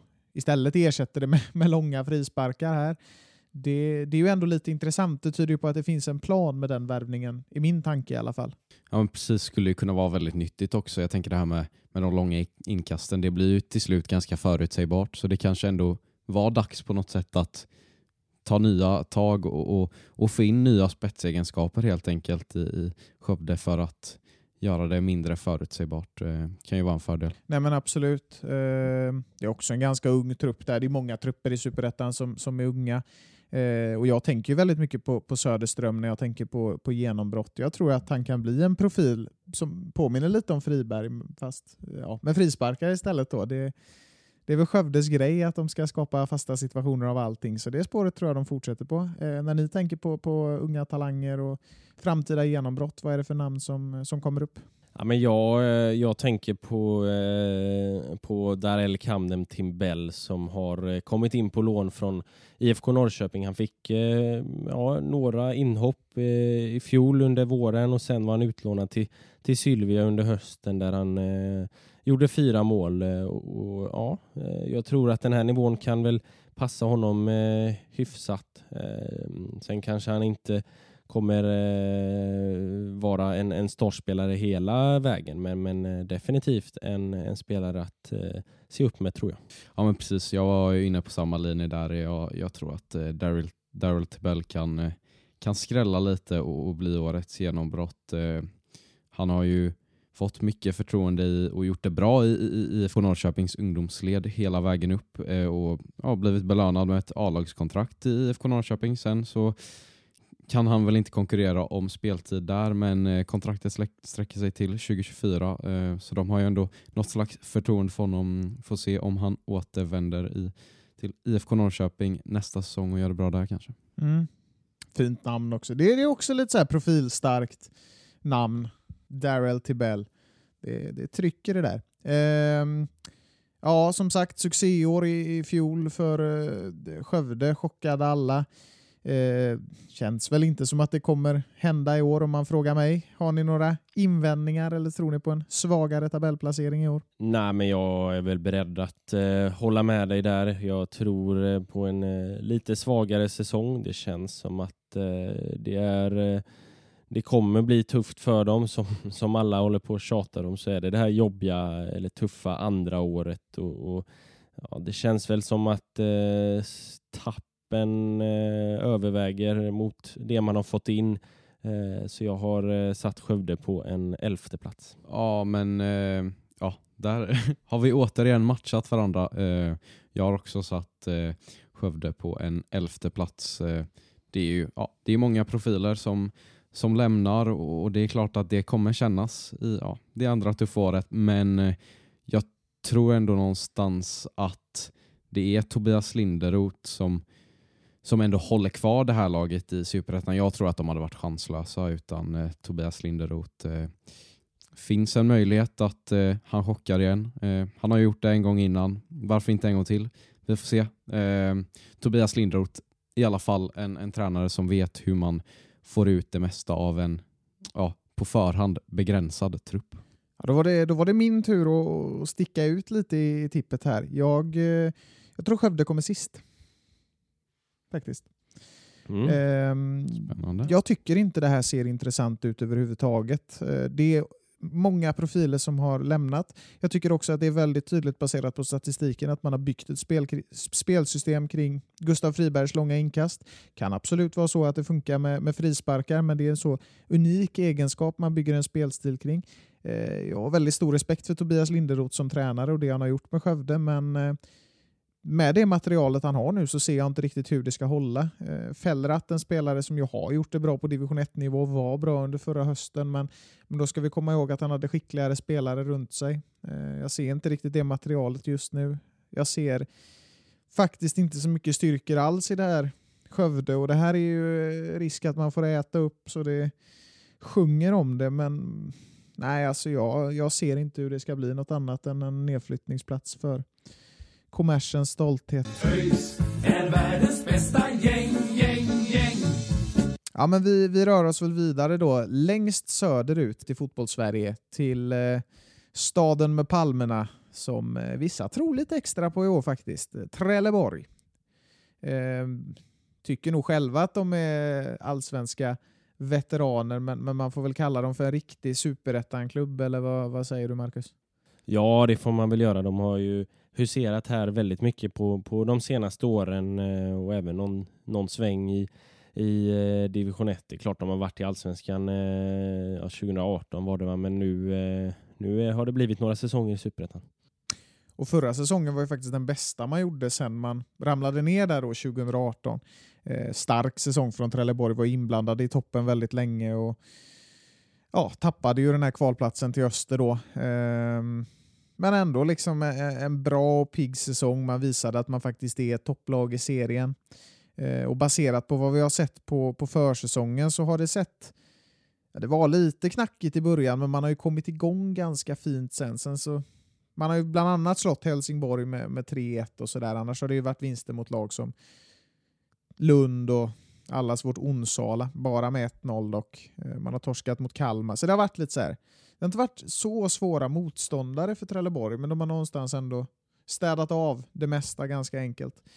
Ehm, Per-Ola Ljung, tränare. Marcus, du tog ju ett eh, snack med, ja det är en ganska färgstark eh, snubbe det här, så vi, vi tar väl och lyssnar till det. ÖIS är världens bästa gäng, gäng, gäng. Ja, då är vi här med eh, P.O. Ljung, eh, ny huvudtränare för i år med, för Trelleborg. Eh, Hur är känslan? Eh, känslan är bra, eh, förväntansfull. Eh, ser fram emot säsongen och eh, allt vad det innebär. ni var ju tippade av media som eh, fyra och ni var fyra i fjol också. Är det där någonstans ambitionerna ligger? Ja, det är väl rätt så få som skulle säga att de siktar på fjärdeplatsen, men jag förstår vad du menar. Jag behöver inte vara eh, nosig på det sättet. Jag, man kan väl säga så här att vi hoppas väl med årets målsättning kunna vara ett lag som utmanar. Eh, definitivt. Eh, jag, serien är ju jättejämn. Alltså alla har samma känsla och alla som har följt Superettan under ett par år vet ju om att det är ju otroligt små marginaler. Det, om du jämför det med vår högsta serie som alla vill till så har du inte ett av de fem, sex största lagen där, då, då kommer du inte ta dig någonstans uppåt heller mot Europaplatser och, och eh, medaljer och så. va. Men, men här, alltså min realistiska bedömning är att det är tio lag som har chans på de här tre platserna som, som skulle kunna innebära en möjlighet att spela allsvenskan nästa år. Så att det, ja, det kommer bli otroligt jämnt, det kommer bli små marginaler. Per Hansson var inne på det, har, hitta något lag, någon spelare eller något moment som kan ge dem effekt och, och eh, ett antal gratispoäng så kommer det att märkas i tabellen. Likväl om det är så att det är en eller två av de bärande spelarna som kanske inte kan vara med så mycket som man har hoppats, då kommer det också märkas på ett negativt sätt. Så att jag, ja, det kommer att vara konstant huvudvärk, men eh, vi ser fram emot det ändå. Men eh, ändå eh, hoppas på en, en, en toppstrid då mot slutet av säsongen? Eller? Ja, om du frågar mig eh, ur perspektivet vad vi har för målsättning så ska vi upp i Allsvenskan. Det, ja, det är för mig helt otänkbart att jobba i, eh, i Trelleborgs FF i Superettan om vi inte har målet att gå upp i Allsvenskan. Det, det, det, ja, det kan jag inte ens föreställa mig hur det skulle vara att gå till jobbet i så fall om man inte hade det målet. Men frågade mig ur perspektivet hur långt vi har kommit på vägen här och nu så skulle jag nog vill jag säga efter ett antal månader i klubben om jag tänker tillbaka på vilka erfarenheter eh, som man har och, och vad det brukar innebära för lag som har karaktären av att bli ett topplag i denna serien så skulle jag säga att vi är halvfärdiga eh, med allt vad det innebär i, från trupp till eh, hur klubben i övrigt ser ut och så vidare. Så att eh, vi är på väg. Eh, så får vi se hur långt vi kan ta oss nu detta år. Ja, och eh, du var inne lite på det att liksom får man hålla sig skadefria och, och de viktigaste spelarna kan vara med mycket så, så, eh, så kan man vara med uppe. Det är det som är nyckeln för er i år. Ni har haft lite skadeproblem på försäsongen. Är det nyckeln att få tillbaka de viktigaste spelarna eller hur ser det ut? Ja, alltså, nej, men när du säger det så, så blir man ju så jävla trött på att höra det. Men det, är ju, det gör ju inte att det inte är sant ändå. För att det är ju precis så som det är. Så att, eh, eh, helt klart, vi, vi har målskyttar i laget och vi hoppas att de ska få en träff eh, denna säsongen. Eh, vi har tyvärr också eh, ett antal spelare som är rätt så känsliga för det här och har en, en bakgrund som inte är hundraprocentigt. Eh, spelare med stor potential men som har en halvtrasslig bakgrund och det är kanske därför som vi har fått en möjlighet att knyta dem till oss. Så att vi jobbar ju stenhårt för att få dem på planen och, och blir det ett, god, ett godartat scenario där, då, då har vi ett jättebra lag som, som vi kan tävla med eh, mot alla lag här inne. Så att vi, eh, ja, vi är optimister och hoppas på det. Eh, och avslutningsvis då, eh, som jag frågat de andra här också, vem, eh, vem tror du blir den interna skyttekungen i Trelleborg i år? Filip Boman tror jag på faktiskt. En Skurupskille som kommer bara ett par mil ifrån Trelleborg då och tagit rundorna med Lund i division 1 och Olympic i division 1 och i höstas var i Varberg som vi har haft full koll på hela tiden. Men eh, vi fick vänta fram till nu innan vi fick träff på det så att jag hoppas verkligen att han, att han får en bra säsong och en jädra bra kille på alla sätt. ÖIS är världens bästa gäng, gäng, gäng. Ja, men det, det, är en, eh, det är rätt god gubbe det där alltså. Ja, det är ju det. Jag, jag, jag frågade ju honom där om, eh, om målet var att hamna någonstans i samma trakter man var i fjol. Då var man fyra, nu var man tippade av media fyra. Så säger han ju att eh, det är väl inget lag som satsar på att bli fyra. Och, ja, han har väl en poäng där, men, men ja, tanken var väl mer om de, de satsar eh, mot en toppstrid och det, det gör de ju. Eh, sen var han ju lite osäker på om om det skulle räcka hela vägen, eh, det får vi väl se. Men eh, ja, en, eh, en skön gubbe. Ja men verkligen.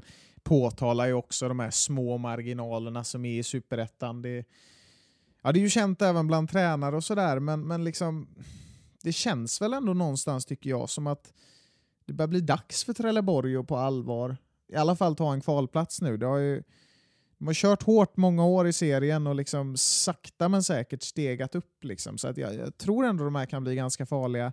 Eh, om vi ska prata nyckelspelare i Trelleborg, vad är det för namn som, som eh, kommer upp i huvudet på er? Nej men det är väl direkt eh, Henry Offia som eh, dyker upp i mitt huvud. Även eh, en sån spelare som eh, Mortensen dyker upp där. Men, eh, men Henry Offia med ja, vad blev det? 10 mål, 6 ass förra säsongen. Fortfarande ung, har mycket, mycket kvar i sig. Jag tror att han kommer steppa upp och, och ja, men jag tror att han kommer steppa upp och, och fixa, jag vågar nog säga minst 15 mål. Ja, eh, jag är inne på att eh, Nicolas Mortensen är deras eh, starkaste kort. Han blev ju skyttekung i laget i fjol och jag tror att han kommer fortsätta att eh, leverera mål då, kanske tillsammans med, med Offia och eh, Filip Boman, eh, eh, nyförvärvet där. Ehm, han har ju dock varit, varit lite skadad på försäsongen. Här. De har ju haft mycket skador ska vi säga eh, i, i Trelleborg. Eh, så det kanske blir en liten startsträcka för, för, eh, för hela laget här egentligen. Eh, men ja, nyckelspelaren, det blir Nicolas Mortensen. Ja, jag, jag känner ju att jag, jag fastnar någonstans mitt emellan där. Jag skulle vilja säga att nyckeln blir kombinationen Mortensen-Offia. De har ju visat att de kan fördela målen på ett ganska fint sätt mellan varandra och jag tror att som en duo kommer de bli väldigt farliga. Sen tror jag nog Offia kommer vara den som gör lite Lite mer mål det här året. Eh, vågar jag nog ändå sticka ut hakan med att säga. Skulle också vilja lyfta fram en spelare som Mohamed Said. Eh, inte vår Mohamed Said, det kanske vi inte behöver förtydliga, men det här är ju den Mohamed Said som spelade i Sirius före då. Eh, vår Momo, han är ju i Alafors nu. Men det är en annan historia. Eh, tycker det finns väldigt mycket positivt att ta av framåt, precis som att det finns väldigt mycket stabilitet bakåt. Eh, Det finns ju en spelare som Fritjof Björkén till exempel som jag, som jag tycker är intressant. Så att, ja, det känns som att det är ett ganska jämnstarkt lag och kan bli väldigt stark offensiv och det är väl den jag vill eh, peka på någonstans när jag pratar på, om, om nyckelspelare och kanske mer generellt nycklar i, i Trelleborg. Då. Eh, lovande spelare, vad, vad, vad ser ni där? Ja, eh, nej men jag, jag skulle vilja, vilja säga här att eh, det är Filip Boman. Han är visserligen några, några, några år gammal. Eh, han fyller väl eh, 27 nu i år. Eh, men, men han gjorde det väldigt bra i fjol eh, när han var utlånad från, från Varberg till eh, BK Olympic när han gjorde 15 mål på, på 17 matcher. Och allsvenskan kanske kan vara lite för hög nivå för honom så jag tror han kommer passa väldigt bra in i, i detta Trelleborg och det, har ju även, det var ju även P.O. Jung inne på här under intervjun också att eh, mm, han kan bli, bli vass i år. Och, ja, ni, tror, eh, ni tror båda att eh, Offia gör flest mål. Jag tror nästan att det kan bli Filip Boman faktiskt eh, som, som gör de här målen då. Ja, det är en anfallstrio som tonar upp för sig får man väl säga. Jag vill ju hålla med dig om Boman faktiskt. Jag tycker det är en, det är en spännande gubbe som jag tror kan också leverera poäng. Sen att han ska göra flest mål, det tror jag nog inte, men, men det ska bli väldigt spännande att följa honom. Eh, är du inne på samma spår med, med Boman, Love?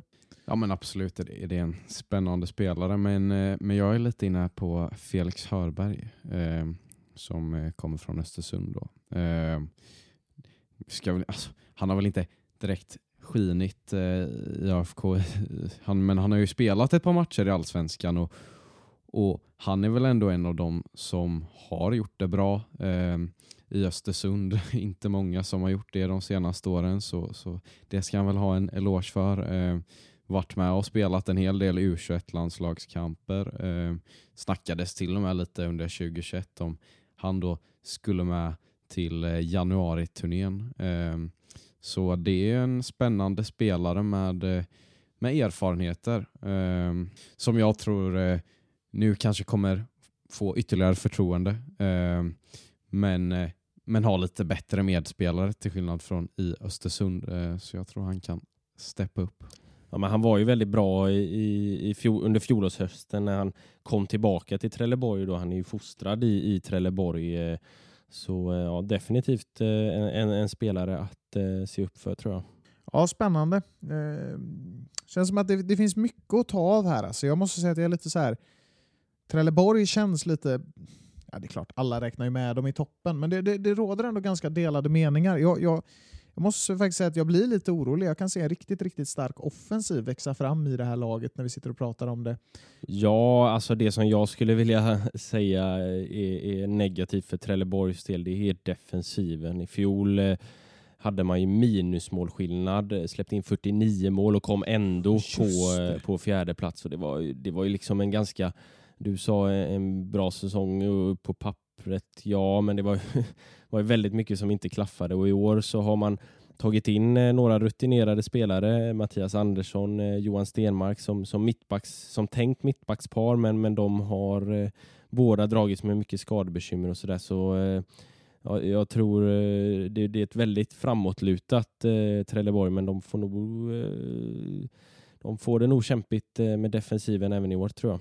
Mm. Man får ju ändå framhäva styrkan någonstans av att eh, kunna komma på fjärde plats med eh, minusstatistik. Det, det säger väl en del om superettan om inte annat. Men, men eh, alltså att de ska producera lika mycket framåt känner jag absolut är en möjlighet. Och kan de då helt enkelt vara lite mindre dåliga bakåt så, så tror jag ju ändå att det kan bli ett lyft från förra året. Jag menar, Kasper Christensen känns ändå som en ganska stabil superettan-målvakt. Han har gjort det förr. Liksom. Han vet vad det innebär att spela i den här ligan. Eh, men det där kan vi älta på hur länge som, som helst egentligen. Eh, så jag tänker vi, vi går rakt på tabellplaceringen. Love, vart har du placerat Trelleborg? Jag har faktiskt eh, placerat Trelleborg på en eh, sjätte plats. Eh, jag tror inte riktigt att det blir något lyft i år. Eh, absolut en klubb som, som kan vara med där uppe, det är inte det jag säger, men jag undrar väl lite vad, ta- alltså, vad tanken var när man i fjol då med, tar ta en, eh, en fjärde plats som är det, den bästa placeringen på länge, eh, men ändå då väljer att eh, sparka tränaren eh, Christian Heinz. Eh, och sen absolut, det, det är en rutinerad och erfaren tränare, P.O. Jung, som kommer in. Eh, men frågan är om han är den friska fläkten som, som kommer att göra att, så att Trelleborg tar ytterligare ett steg uppåt. Eh, jag vet inte fan. Frisk fläkt som person verkar han ju Jo, vara, jo, men som visst, men tränare som- så... Ja, Han är ju liksom lite, ja, absolut, han har gjort stora saker men ja men vad fan, han har ju ändå ja, fått sparken, eh, Örebro, Helsingborg, han har varit på dekis ett tag eh, nu. Fan, är han verkligen den här X-faktorn som kommer att lyfta Trelleborg? Jag vet Nej, inte. alltså X-faktor vet jag inte riktigt. Det, det, det kan man väl inte. Med, med all respekt för Per-Ola Ljung, men jag vet inte riktigt om han, om han är en X-faktor. Eh, sen tycker jag han är en bra tränare, eh, men, men någonstans så tycker jag väl att han har bra material att förfoga över och är du då en bra tränare så, så, så är det klart att du har möjligheter. Marcus, eh, tabellplacering, Trelleborg. Ja, men jag, jag tror att eh, alltså, jag tycker de, de har för mycket skadebekymmer sett över hela backlinjen egentligen. Eh, Fritiof Burkén har ju varit skadad här under försäsongen, Mikko Vittiko också. Eh, så, så de har fått liksom flytta runt en hel del på, på positionerna där. Det är ju några mittfältare som har fått gå ner och agera backar och sådär. Eh, offensivt ser det bra ut, ja.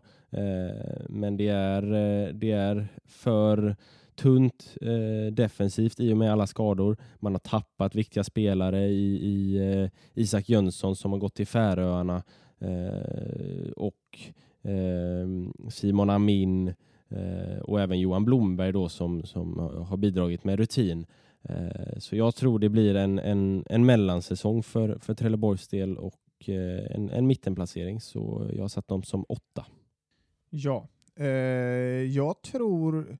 Det är liksom någonting med Trelleborg som skrämmer mig den här säsongen och det är någonting som får mig att tro att de kommer vara väldigt bra. Jag tror offensiven kommer vara väldigt bra. Jag tror ändå faktiskt någonstans på att defensiven kommer bli bättre just eftersom att det känns att den kan inte bli så mycket sämre.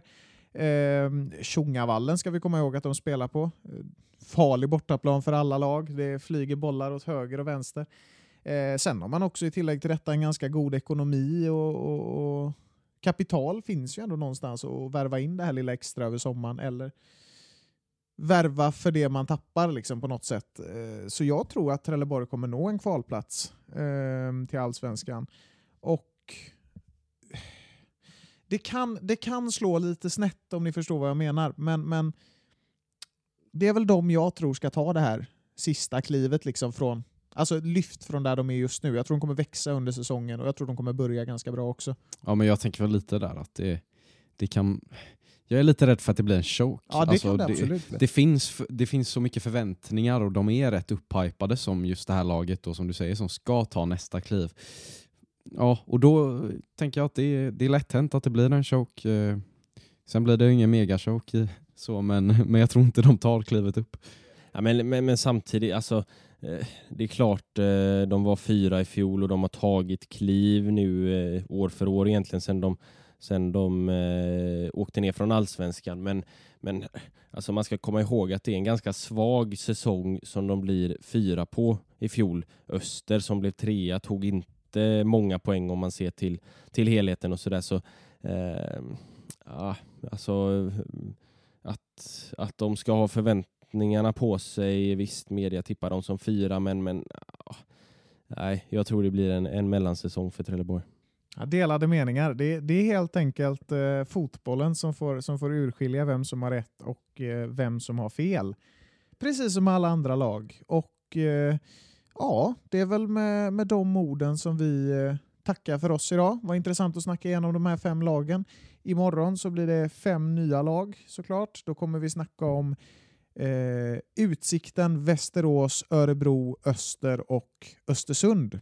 Känns som spännande lag på förhand. Jag, jag tror det kommer bli ett riktigt kul avsnitt. Och så får ni inte missa Fotbollströjefredagen imorgon heller. Eh, glöm inte den. Och dela med de orden som vi säger som vi brukar. Ha, det gött! Hej!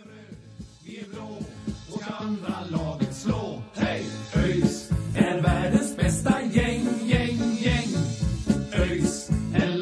Som tar två poäng.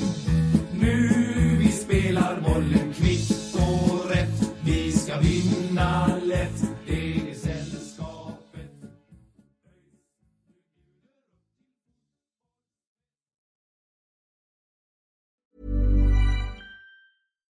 Support comes from ServiceNow, the AI platform for business transformation.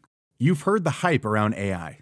The truth is, AI is only as powerful as the platform it's built into. ServiceNow is the platform that puts AI to work for people across your business, removing friction and frustration for your employees, supercharging productivity for your developers, providing intelligent tools for your service agents to make customers happier all built into a single platform you can use right now. That's why the world works with ServiceNow. Visit servicenow.com/slash AI for people to learn more.